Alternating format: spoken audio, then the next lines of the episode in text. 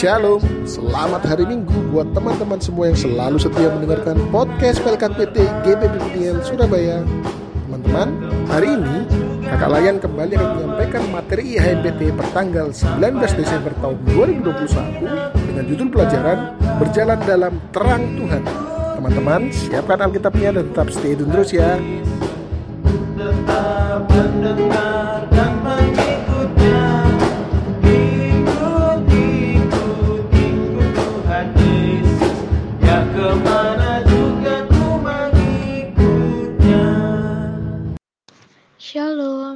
Pagi, selamat hari Minggu, adik-adik terkasih. Hari ini ibadah persekutuan teruna KTC yang akan memimpin. Oke, perlu diketahui juga minggu ini adalah minggu Advent keempat. Jadi habis minggu depan itu Natal, sudah kita akan sudah merayakan Natal. Uh, Oke, okay, kalau adik-adik terkasih sudah siap untuk membacakan firman Tuhan, sebelum Terlebih dahulu kita akan berdoa. Mari kita berdoa. Tuhan Yesus yang baik, terima kasih atas karuniamu, atas penyertaanmu bagi kami. Kami boleh ada hingga hari ini. Terima kasih Tuhan Yesus. Saat kini kami sedang melaksanakan ibadah hari Minggu persekutuan Taruna dan kami akan membaca sedikit dari firman Tuhanmu. Biarlah mulai dari awal hingga akhir ibadah kami penyertaanmu tetap ada bagi kami. Juga dalam pembacaan firman Tuhan biarlah engkau memberkati kami agar kami dapat menjadikan firman Tuhan menjadi pedoman bagi kehidupan kami hari lepas hari. Terima kasih Tuhan Yesus, terima kasih. Dalam di dalam nama Tuhan Yesus kami berdoa dan mengucap syukur. Amin. Oke, pembacaan kita pada hari ini terambil dari Yesaya 2 ayat 1 hingga ayat yang kelima. Yesaya 2 ayat yang ke-1 hingga ayat yang kelima. Oke, kalau adik-adik sekalian sudah mendapatkan ayat pembacaan kita, Katesa akan membacakannya. Sion sebagai pusat kerajaan damai. Firman yang dinyatakan kepada Yesaya bin Amos tentang Yehuda dan Yerusalem akan terjadi pada hari-hari yang terakhir. Gunung tempat rumah Tuhan akan berdiri tegak di hulu gunung-gunung dan menjulang tinggi di atas bukit-bukit segala bangsa akan berduyun-duyun ke sana. Dan banyak suku bangsa akan pergi serta berkata, "Mari kita naik ke gunung Tuhan, ke rumah Allah Yakub, supaya Ia mengajar kita tentang jalan-jalannya, dan supaya kita berjalan menempuhnya." Sebab dari Sion akan keluar pengajaran dan firman Tuhan dari Yerusalem. Ia akan menjadi hakim antara bangsa-bangsa dan akan menjadi wasit bagi banyak suku bangsa. Maka mereka akan menempa pedang-pedangnya menjadi mata bajak dan tombak-tombaknya menjadi pisau pemangkas. Bangsa tidak akan lagi mengangkat pedang terhadap bangsa, dan mereka tidak akan lagi belajar perang. Hai kaum keturunan Yakub, mari kita berjalan di dalam terang Tuhan. Demikian firman Tuhan, terpujilah Kristus, haleluya. Haleluya.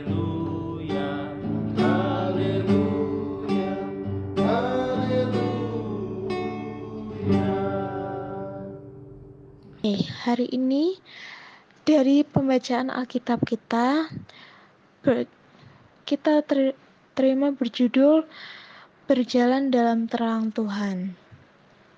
Sebelum kita masuk ke dalam ayat-ayatnya, pasti adik-adik sudah tahu bahwa Yesaya ini adalah seorang nabi yang dia sudah hidup di kerajaan Yehuda mulai dari masa pemerintahan Raja Uria, Raja Yotam, Raja Ahas, dan sampai Raja Hizkia.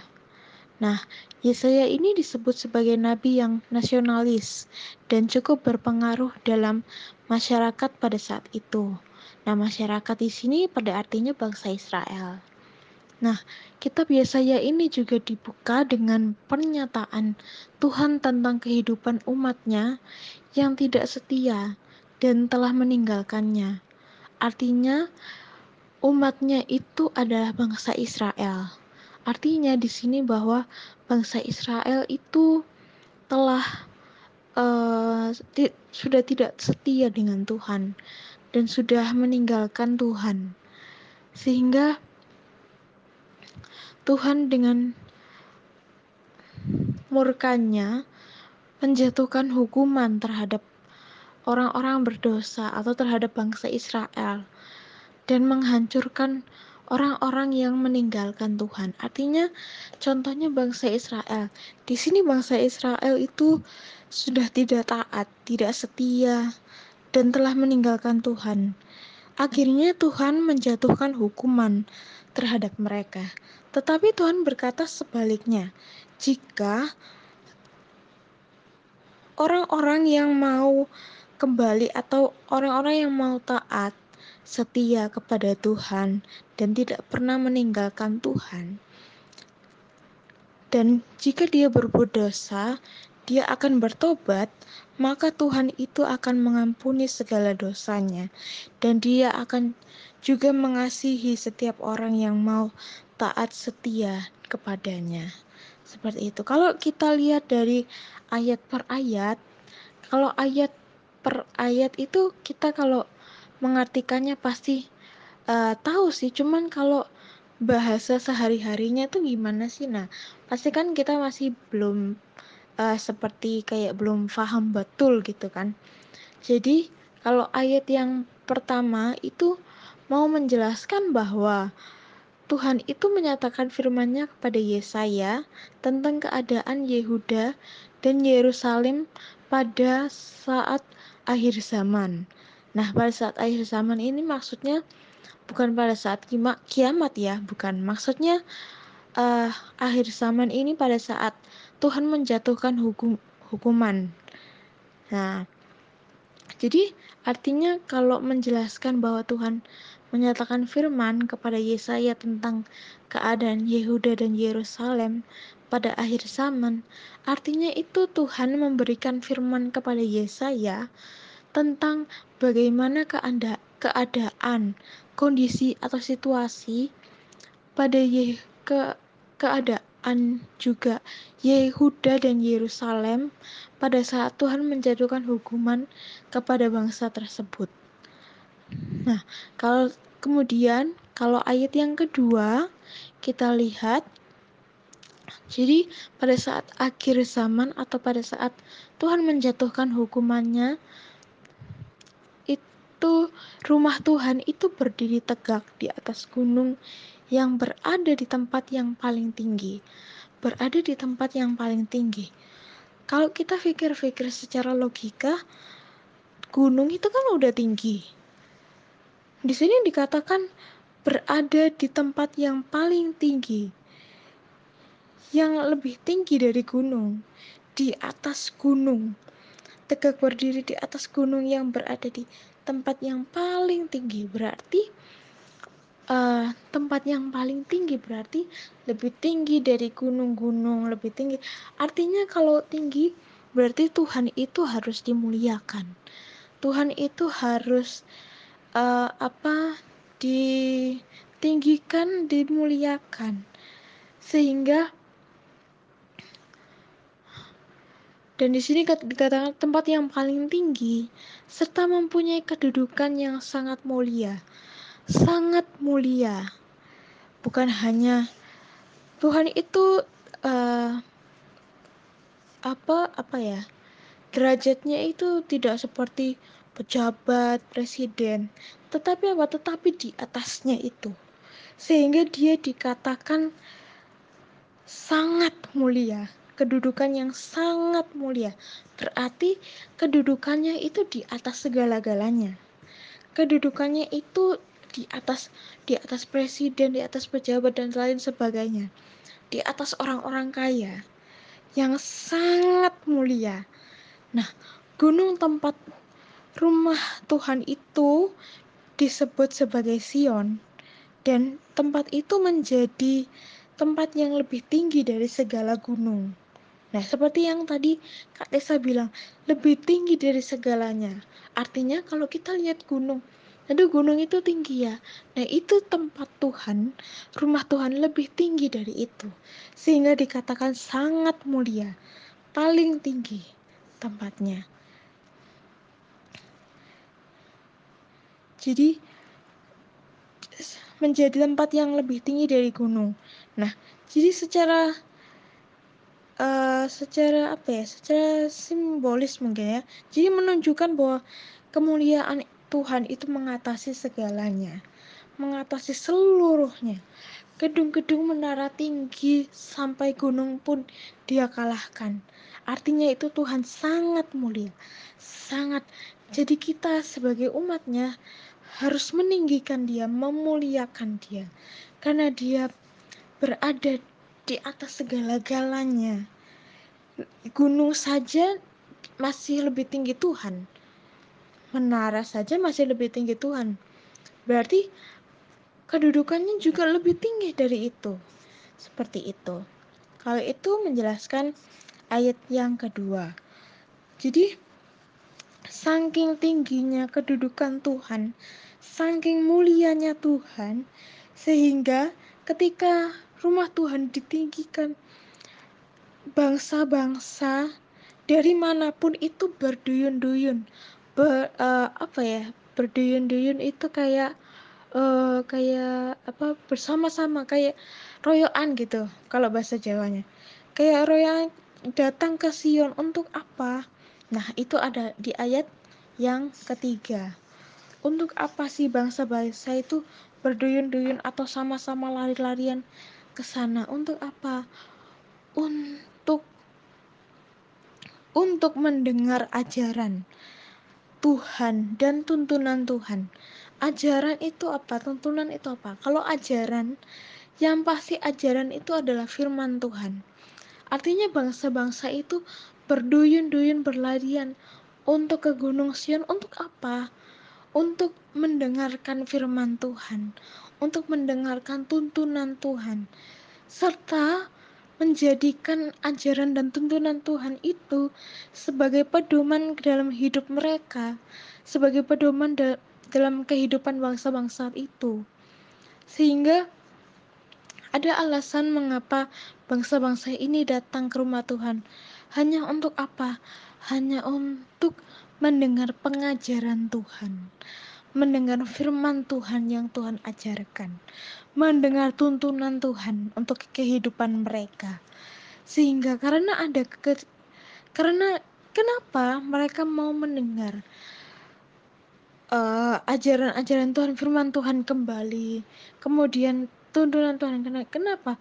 Karena mereka kecewa. Mereka kecewa kenapa? Karena mereka telah membuat patung-patung, membuat dewa-dewa untuk mereka sembah. Sehingga de, di hati bangsa-bangsa tersebut kayak merasa kecewa. Aduh, kenapa sih kok aku kemarin kemarin-kemarin tuh nggak setia aja sama Tuhan. Nggak buat patung-patung ini, nggak menyembah dewa-dewa ini.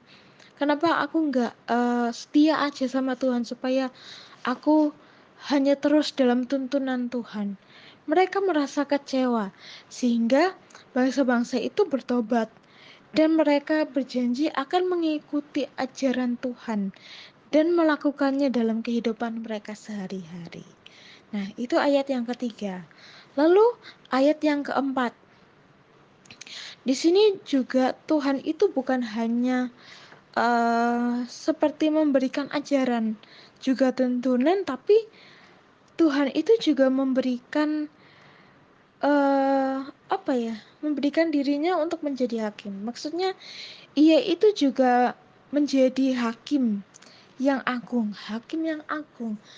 Hakim yang agung ini artinya bahwa di atas segala-galanya, maksudnya di atas segala hakim. Jadi Tuhan itu adalah hakim yang paling adil, sangat adil dan paling benar, sehingga dia dikatakan hakim yang agung. Karena dia merupakan hakim yang sangat adil dan benar. Sehingga keadilan yang diberlakukan Tuhan itu akan menghasilkan kehidupan yang harmonis sehingga tidak ada lagi permusuhan di dalam bangsa-bangsa, kemudian peperangan dan lain-lain. Nah, pedang, pedang yang dipakai bangsa-bangsa untuk berperang itu ditempa oleh Tuhan menjadi mata bajak tombak dan menjadi pisau pemangkas yang hendak yang menggambarkan bahwa uh, situasi yang damai. Si, jadi karena Tuhan ada sehingga mereka merasa damai. Hatinya merasa damai. Situasi di situ, suasana di situ itu uh, suasana yang damai, situasi yang damai. Dan tidak ada lagi ketegangan di antara bangsa-bangsa itu. Kemudian peperangan juga tidak ada lagi di antara mereka. Nah, alat-alat perang yang digunakan bangsa-bangsa itu juga juga dipakai atau dijadikan sebagai alat pertanian yang juga menggambarkan kepada kesejahteraan umat Tuhan, kesejahteraan.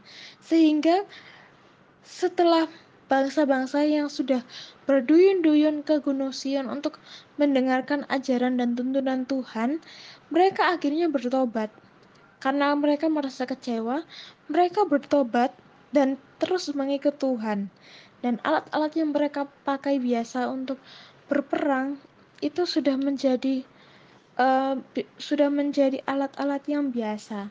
Alat-alat yang bukan senjata untuk berperang, dan mereka merasa damai, merasa sejahtera, dan di situ sudah tidak ada kekhawatiran dan ketakutan akan terjadinya perang lagi. Nah, yang terakhir di ayat yang kelima adalah gambaran tentang Sion itu yang indah itu ditutup dengan himbauan atau ajakan kepada keturunan Yakub atau uh, bangsa Israel itu untuk apa? Untuk berjalan. Mari ber, kita berjalan di dalam terang Tuhan. Kita berjalan dalam tuntunan Tuhan, dalam ajaran firman-firman Tuhan. Maksudnya apa? Supaya ag agar bangsa Israel itu selalu berada dalam tuntunan Tuhan, berada dalam kehendak Tuhan karena berjalan dalam terang dan kehendak Tuhan itu akan mendatangkan kebaikan bagi umatnya, bangsa Israel. Nah, seperti itu. Itu sudah ayat yang terakhir. Jadi intinya apa? Meskipun Tuhan menjatuhkan hukuman kepada bangsa Israel, menjatuhkan hukuman bagi bangsa-bangsa yang berdosa, bangsa-bangsa yang meninggalkan Tuhan, yang tidak taat dan setia kepada Tuhan. Tetapi Tuhan, di balik semua hukuman itu, Tuhan menampakkan kedamaian, kesejahteraan, kemakmuran, harmoni, semua itu akan ada di akhirnya. Karena Tuhan tetap menyertai mereka, Tuhan tetap menyayangi, mengasihi. Asalkan mereka mau taat dan setia dan tidak meninggalkan Tuhan. Jadi dari firman ini kita belajar bahwa kita harus taat dan setia kepada Tuhan. Artinya dalam kehidupan sehari-hari lah. Misalkan kita membaca Alkitab, sudah seminggu lebih lah kita rajin membaca Alkitab. Tapi karena kesibukan pelajaran, kesibukan uh, mungkin acara keluarga, karena kan ini sudah mendekati uh, Natal ya, jadi banyak acara keluarga. Jadi kita ah udahlah nggak usah baca Alkitab, aku sama keluarga aja main-main tiktokan ini jadi nggak nggak baca Alkitab nggak artinya apa kita harus setia dan taat kepada Tuhan. Kalau kita sudah membaca firman Tuhan mulai taat dan setia kepada Tuhan, kita harus menjalankannya dan kita nggak boleh meninggalkan Tuhan. Kita harus taat dan setia kepada Tuhan. Yaitu, oke, okay, Kak Tessa aminkan. Terima kasih. Oke, adik-adik terkasih, mari kita berdoa. Tuhan Yesus yang baik, terima kasih atas firman-Mu yang boleh kami baca dan kami dengar tadi, dan atas renungan yang kami boleh baca. Terima kasih Tuhan Yesus, biarlah itu semua boleh menjadi pedoman bagi kehidupan kami hari lepas hari dalam aktivitas kami. Terima kasih Tuhan Yesus, hamba mau berdoa bagi adik-adik terkasih dalam pendidikan, Tuhan Engkau memberkati mereka, berikan mereka akal budi hikmat pengetahuan, agar mereka dapat mengerti apa yang diajarkan di sekolah mereka masing-masing. Berkati aktivitas mereka hari lepas hari bersama teman-teman, saudara, dan tetangga di sekeliling Tuhan Engkau memberkati. Tuhan, hamba juga mau berdoa berdoa bagi orang tua mereka masing-masing dalam pekerjaan maupun ibu mereka dalam mengurus rumah tangga Tuhan. Engkau memberkati dalam pekerjaan orang tua mereka, biarlah mereka selalu diberikan kesehatan, kekuatan agar dapat menafkahi keluarganya. Tuhan juga memberkati bagi ibu mereka yang bekerja atau sebagai ibu rumah tangga, engkau mau berkati pekerjaan atau apa pun yang ibu mereka lakukan, engkau mau berkati. Sertai mereka, berikan mereka kekuatan Tuhan Yesus, berikan mereka juga kesehatan agar mereka dapat mendidik dan membesarkan anak-anak mereka. Terima kasih Tuhan Yesus, terima kasih. Kami juga mau berdoa bagi gereja kami Tuhan Yesus, GPIB Peniel. Tuhan Engkau memberkati Bapak Pendeta Jerry Tupamahu sebagai Ketua Majelis Jemaat. Tuhan Engkau memberkati beliau. Berkati pelayanan beliau di mana pun beliau berada. Di gereja mana pun Engkau mau berkati dia Tuhan Yesus. Jadikanlah dia sebagai berkat di mana pun dia berada. Tuhan Engkau memberkati juga persekutuan teruna ini Tuhan Yesus, perkembangannya Engkau memberkati Tuhan Yesus. Apa pun yang kami lakukan dalam segala hal Engkau memberkati Tuhan Yesus. Inilah doa yang kami panjatkan hanya dalam nama Tuhan Yesus yang telah mengajarkan kami berdoa. Bapa kami yang di surga, dikuduskanlah namamu kerajaanmu, jadilah kehendakmu di bumi seperti di surga. Berikanlah kami pada hari ini makanan kami secukupnya, dan ampunilah kami yang kesalahan kami, seperti kami juga mengampuni orang bersalah kepada kami. Dan jangan membawa kami ke dalam pencobaan, tetapi lepaskanlah kami daripada yang jahat, karena engkau yang punya kerajaan dan kuasa dan kemuliaan sampai selama-lamanya. Amin.